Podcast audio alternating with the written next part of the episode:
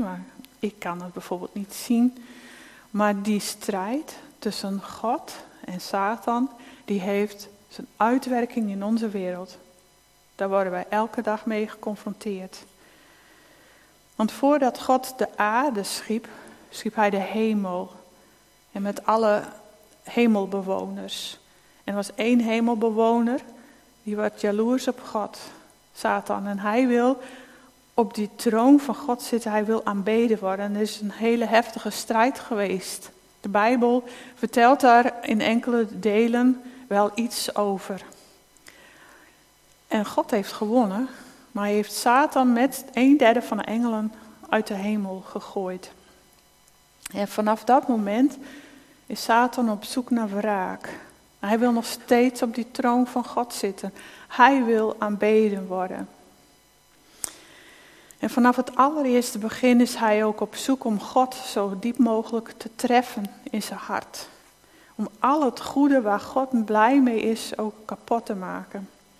En God is blij met ons en met, met mij en met jou en met u. En dus zal Satan er alles aan doen om het, ook u het leven zuur te maken, om jou te pakken.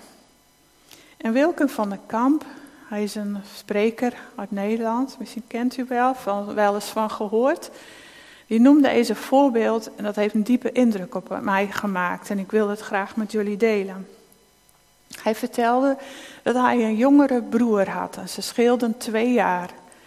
En zoals broertjes gewend zijn, of wel veel doen, dat is even lekker stoeien en vechten met elkaar. En als je twee jaar verschilt in leeftijd, dan kan het gebeuren dat het wel uitmaakt. Als je tien en acht bent en je bent aan het vechten, dan zal dat kind van tien toch meestal wel winnen van het kind van acht. Als je ouder wordt, dan gaat dat verschil wel waarschijnlijk helemaal weg.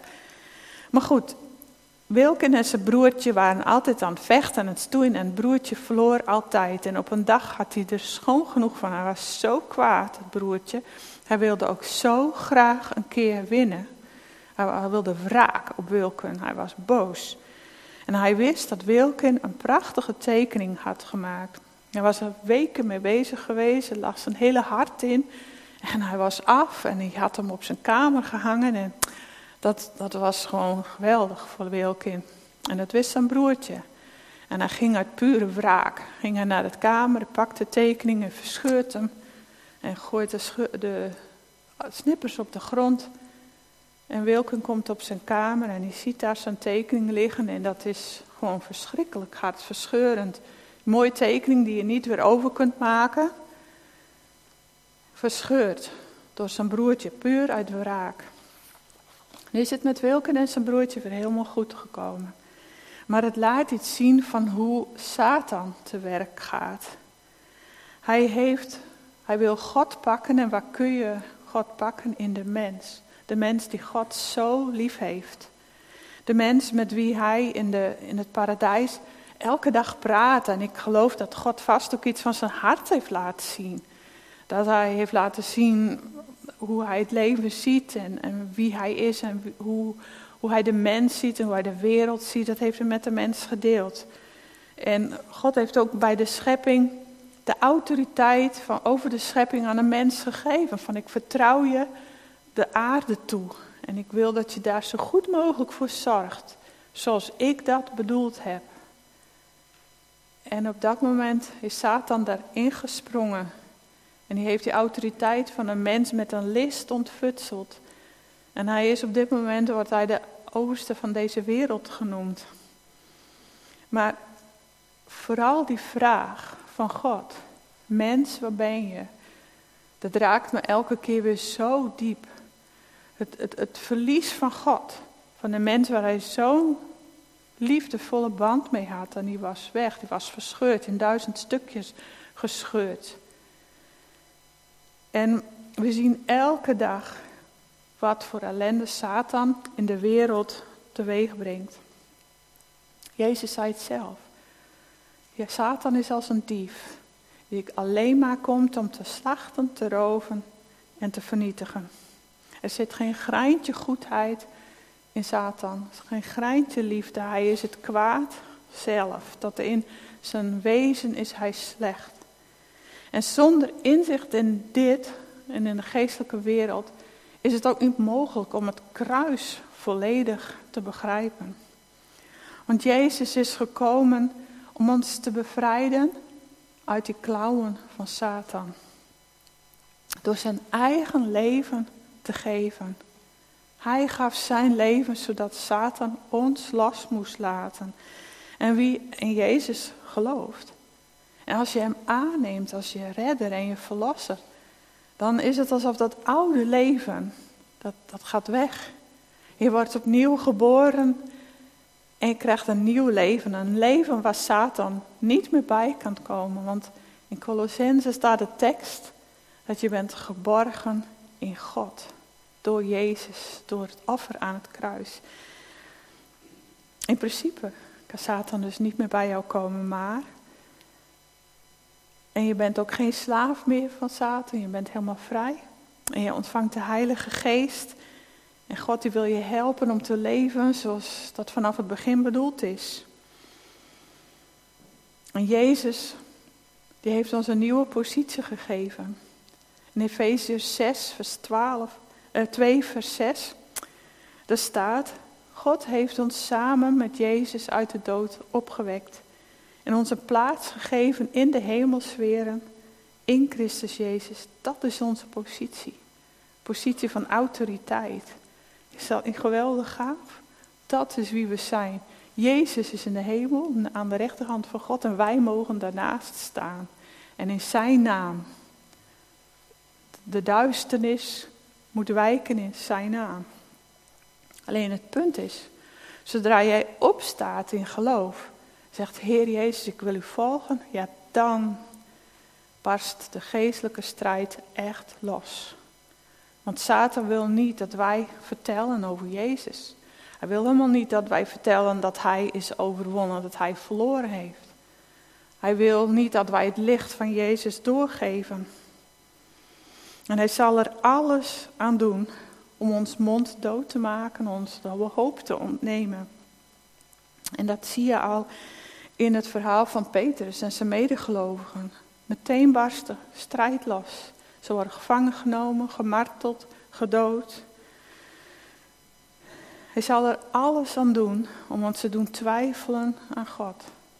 Hij zal ons aan doen twijfelen aan onze positie in Jezus. Hij zal ons slaan met ellende, met tegenslag, met ziekte, met wanhoop, met, met verlies van werk. Hij verspreidt ook leugens over God. Hij fluistert ons in, zoals hij bij Adam en Eva ook al deed, allemaal dingen over God. Dat je misschien nooit kunt voldoen aan, aan de eisen van God. Je bent niet goed genoeg. Je bent niet mooi genoeg. Je mag bang voor hem zijn. De geestelijke strijd speelt zich ook heel vaak af in ons denken.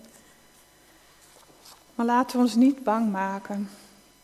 Want de Bijbel vertelt ons ook dat Hij die in ons woont, Jezus, is sterker dan Hij die in de wereld is. En wat helpt? Vooral heel veel tijd aan de voeten van Jezus doorbrengen. Dat is de plek waar je mag zitten. Een hoge plek waar Jezus aan de voeten. Dat betekent heel veel tijd doorbrengen in gebed of bidden, maar ook zingen, aanbidding, dat helpt ook. Deel maar met Jezus. Wat zit je dwars? Wat is je overkomen? Wat maakt je verdrietig? Wat maakt je boos? Wat maakt je bang? Ik geloof dan dat Hij met zijn vrede zal komen. In het Bijbelverhaal wil ik twee dingen eruit halen die je mee mag nemen naar huis. Ten eerste is dat die gelovigen, terwijl Petrus in de gevangenis zit, intensief onafgebroken in gebed zijn. Gebed brengt de hemel in beweging. Gebed is de grootste kracht die er bestaat. Denk nooit, bidden heeft toch geen zin. Ik geloof dat zodra jij bidt, dat God het hoort. En dat er ook een beweging is, maar het is God die antwoord geeft op zijn manier, zijn wil. Maar bidden heeft altijd zin, want God hoort alles. Hoort alles. En ik wil uh, ook duidelijk maken dat Gods engelen ons terzijde staan. Ze helpen ons vaak zonder dat wij het weten. En ik wil graag een voorbeeld geven van een evangelist in Peru. Die vertelde het volgende: dat hij onder een bevolkingsgroep van Indianen aan het evangeliseren was. En onder de mensen was ook iemand die wilde een aanslag plegen, een terrorist. En hij was een behoorlijk grote groep bijeen. En hij ging zich positioneren. Zo van, nou, wat is nou mijn beste plek? Maar elke keer als ze ergens ging staan, dan waren daar weer politieagenten. En, nou, het, het lukte hem gewoon niet om een goede plek te vinden. En van lieverlee ging hij luisteren naar wat die evangelist te vertellen had. En, en het raakte hem. Het raakte hem zo dat hij op een gegeven moment besloot om echt zijn hart aan Jezus te geven. Dat is echt heel bijzonder. En hij liep naar het gebedsteam toe, na afloop van het dienst. En uh, hij zei van ja, ik wil ook mijn hart aan Jezus geven, maar ik moet bekennen dat ik een aanslag wilde plegen. Ik wilde jullie doodmaken. Maar het lukte me niet, want er waren steeds allemaal politieagenten hier die er omheen liepen. En ik, ik kon gewoon maar geen plek vinden. En de mensen van het gebedsteam, die keken hem aan en zeiden, maar er waren hier helemaal geen politieagenten. Dus zo'n verhaal laat zien dat God zijn engelen stuurt en ons beschermt. Ik geloof dat als wij tot God bidden oprecht en ook vragen naar zijn wil, dat hij reageert en dat dan de hemel in beweging komt. De engelen die zijn er. Ze dienen ons, ze dienen de engelen, ze strijden voor ons, ze beschermen ons. En ik wil graag ook nog een verhaal vertellen uit mijn eigen leven, wat mij zelf is overkomen. Het gaat niet heel direct over geestelijke strijd, maar wel over hoe God aanwezig is zonder dat we dat beseffen. Ik heb in januari afscheid genomen van mijn gemeente in. En het besef kwam in mij binnen dat ik de gemeente terug mocht geven aan God. God had mij in 2009 de gemeente toevertrouwd aan mijn zorg als herder. Hij was natuurlijk de hoofdopzichter, maar ik mocht namens hem de herder zijn van de gemeente. Maar in januari mocht ik de gemeente weer teruggeven aan hem. Dat was voor mij een heel emotioneel moment om de gemeente weer los te laten. En ik wist dat ik dat in de kerkdienst ook uit zou mogen spreken. Dus tijdens het dankgebed heb ik heel bewust ook uitgesproken, Heer, ik geef u nu de gemeente weer terug. Hier is uw gemeente en u zult voor hen zorgen. Het was heel emotioneel moment ook voor de gemeenteleden. Maar na de dienst kwam er iemand uit de gemeente naar mij toe. En ik zei net, ik kan niet in de geestelijke wereld kijken, maar deze vrouw wel. En ik geloof haar ook. Ik ken haar heel goed. En ze is heel bescheiden. Ze heeft heel wat meegemaakt. Maar zij kan soms God en engelen zien. En ze kwam naar mij toe en ze zei: Ik moet je toch iets vertellen, want dit is zo bijzonder wat er gebeurde. Ze zei: We hadden, ik stond net als hier en we hadden hier de muziekteam staan. Hier staat hij aan de andere kant, maar ik had hem rechts van mij.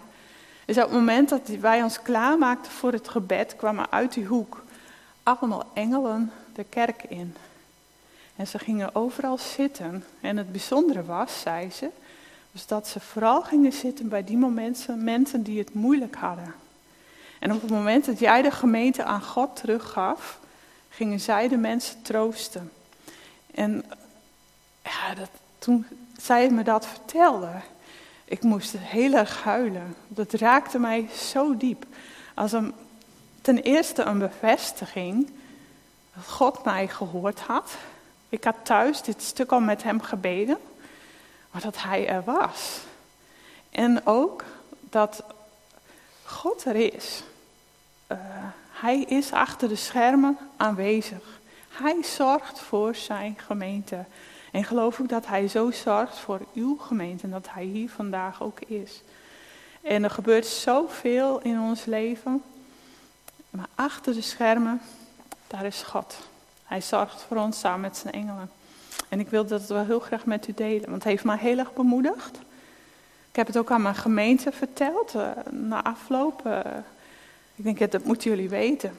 En als ik het kan, vertel ik het waar het kan. Omdat ik geloof dat het ook zo was. Ik uh, wil afsluiten met een filmpje. Uh, is een lied van David Phelps. En dat heet The Name Lives On. Toen ik dit lied voor het eerst zag met dit filmpje erbij, toen raakte me dat zo enorm. En als ik het dus moeilijk heb, dan pak ik dit filmpje er even bij. Want wat zien we in dit filmpje? We zien verschillende mensen in verschillende fasen van hun leven. Uh, jeugd die aan het skateboarden is, iemand die een baby krijgt, uh, een mevrouw die aan het werk is als schoonmaakster in een kantoor. Maar daarbij al die mensen is Jezus. Ze hebben het niet door, maar hij is erbij. En zo nu en dan zie je ook dat hij iemand iets vertelt. Dat is de stille stem van God in ons hart. En nou, ik zou zeggen, kijk ernaar. En ik hoop dat het jullie net zo mag bemoedigen als het mij heeft bemoedigd. En ook dat je mag weten dat als in jouw leven een geestelijke strijd, dus je het moeilijk hebt, God is erbij, hij weet ervan. En ga dan gewoon bij hem zitten. Vertel en deel met hem. En dan geloof ik dat de hemel in beweging komt. Je bent niet alleen.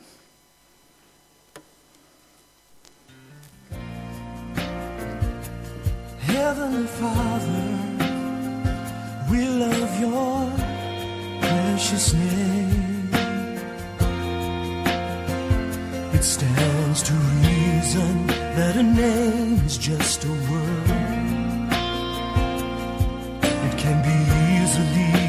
Forgotten as soon as it is heard. But one name was spoken before the world's first day, and it will be here when everything that is has passed away. Delivered from the lips of God to Mary's ears on angels' wings,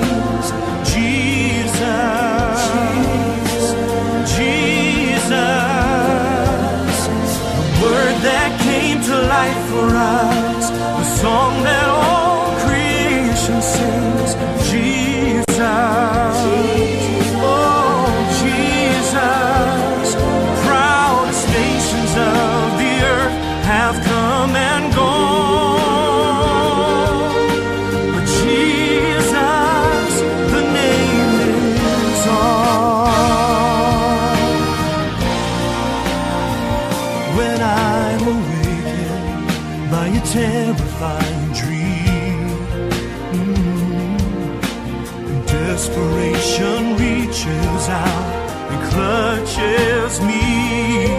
When I'm so afraid that I don't even know how to pray. I simply speak it and I feel it, and it chases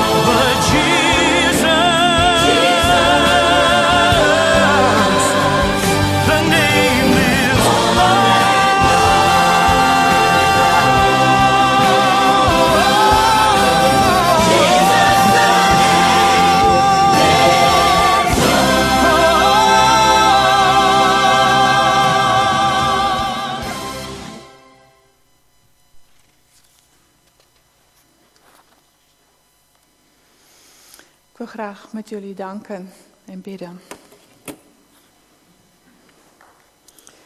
Liefdevolle God, we zijn even stil vanwege de prachtige bemoediging van het lied van Sonet. Even mochten we achter de schermen meekijken en zien hoe Jezus altijd bij ons is, terwijl we het niet doorhebben. Hoe u meeleidt en meeleeft, ons bemoedigt en troost. U bent een geweldige God. U alleen komt toe alle eer en glorie. Heer, we leven in een wereld waar heel veel op ons afkomt. Satan gaat rond als een brullende leeuw en hij wil ons ontmoedigen.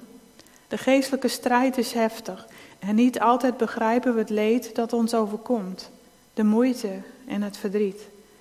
En Heer, we willen bidden voor de mensen die worstelen in hun bestaan, die ziek zijn, of iemand waar ze veel van houden is ernstig ziek. En we bidden ook voor de chronisch zieken, die zich misschien eenzaam voelen in hun aandoening, dat mensen hen zijn vergeten. We bidden voor hen die iemand verloren door de dood, die heel erg verdrietig zijn, die de ander zo ontzettend missen. We bidden voor de mensen met financiële problemen, werkeloosheid, huwelijksproblemen, verslavingen waar niemand van weet, zorgen om de kinderen, zorgen om de ouders. Heer Jezus, wees heel dicht bij hen. Draag hen, omarm hen, troost hen en geef hen perspectief. En wij bidden u, zegen onze ogen, onze oren en onze mond. Dat we de ander echt zien, echt horen. En dat we woorden spreken die helen en genezen. En we hebben u zo nodig, Heer. Kom met uw geest. Misschien zijn er mensen die gebeden hebben om een teken, een bevestiging van u. We bidden, Heer, dat de komende tijd een hemelse boodschap mag klinken in hun leven, zodat ze duidelijk mogen weten wat uw wil is en wat hun plek is in uw koninkrijk. Heer, bescherm ons in de geestelijke strijd. Geef ons uw kracht en dat we de geestelijke wapenrusting aantrekken en onze blik gericht houden op u. Ik wil u bidden voor de Open Thuisgemeente. In uw naam zegen ik de gemeenteleden met geloof, met hoop en met liefde en met onderlinge verdraagzaamheid en vergeving. In Jezus' naam zegen ik de mensen die leiding geven met wijsheid en inzicht. Met leiding door uw geest, inzicht ook in de geestelijke wereld. In Jezus' naam zegen ik de gemeente met een sprankelend seizoen, groei in geloof en een aanwas van nieuwe mensen die hongerig zijn naar meer van u. En wilt u ook de gemeenteleden toerusten voor hun taak in de wereld. En zo zegenen wij alle kerken hier in Drachten, dat zij lichtbrengers mogen zijn, heren, vertellen van u, Heer. We bidden u voor alle mensen die vervolgd worden vanwege hun geloof in u. Ze zijn een groot voorbeeld voor ons vanwege hun grote geloof, rust en vertrouwen. We bidden u voor de wereld waar zoveel ellende is. Honger, dood, oorlog, armoede, vluchtelingen, kleine kinderen die zichzelf van het leven willen beroven in vluchtelingenkampen. Heer, vergeef ons dat dit kan gebeuren. Vergeef ons. We bidden u voor de voedselbanken en de mensen die zich inzetten voor de mens in nood. Zegen hun werk en we bidden dat er voldoende voedsel en menskracht mag zijn om dit werk te blijven doen. En vanaf morgen gaan de scholen weer beginnen. We bidden om een zegen over het nieuwe schooljaar. Er zijn grote zorgen om voldoende leerkrachten, Heer. Wilt u voorzien? Zegen de leraren, de juffen en de meesters. Zegen de kinderen. Zegen de ouders. Zegen ook de kinderen die gepest worden en die misschien opzien tegen het nieuwe jaar. Wees hen nabij en geef hen vrienden en bescherming. In de naam van Jezus bidden wij dat. Amen.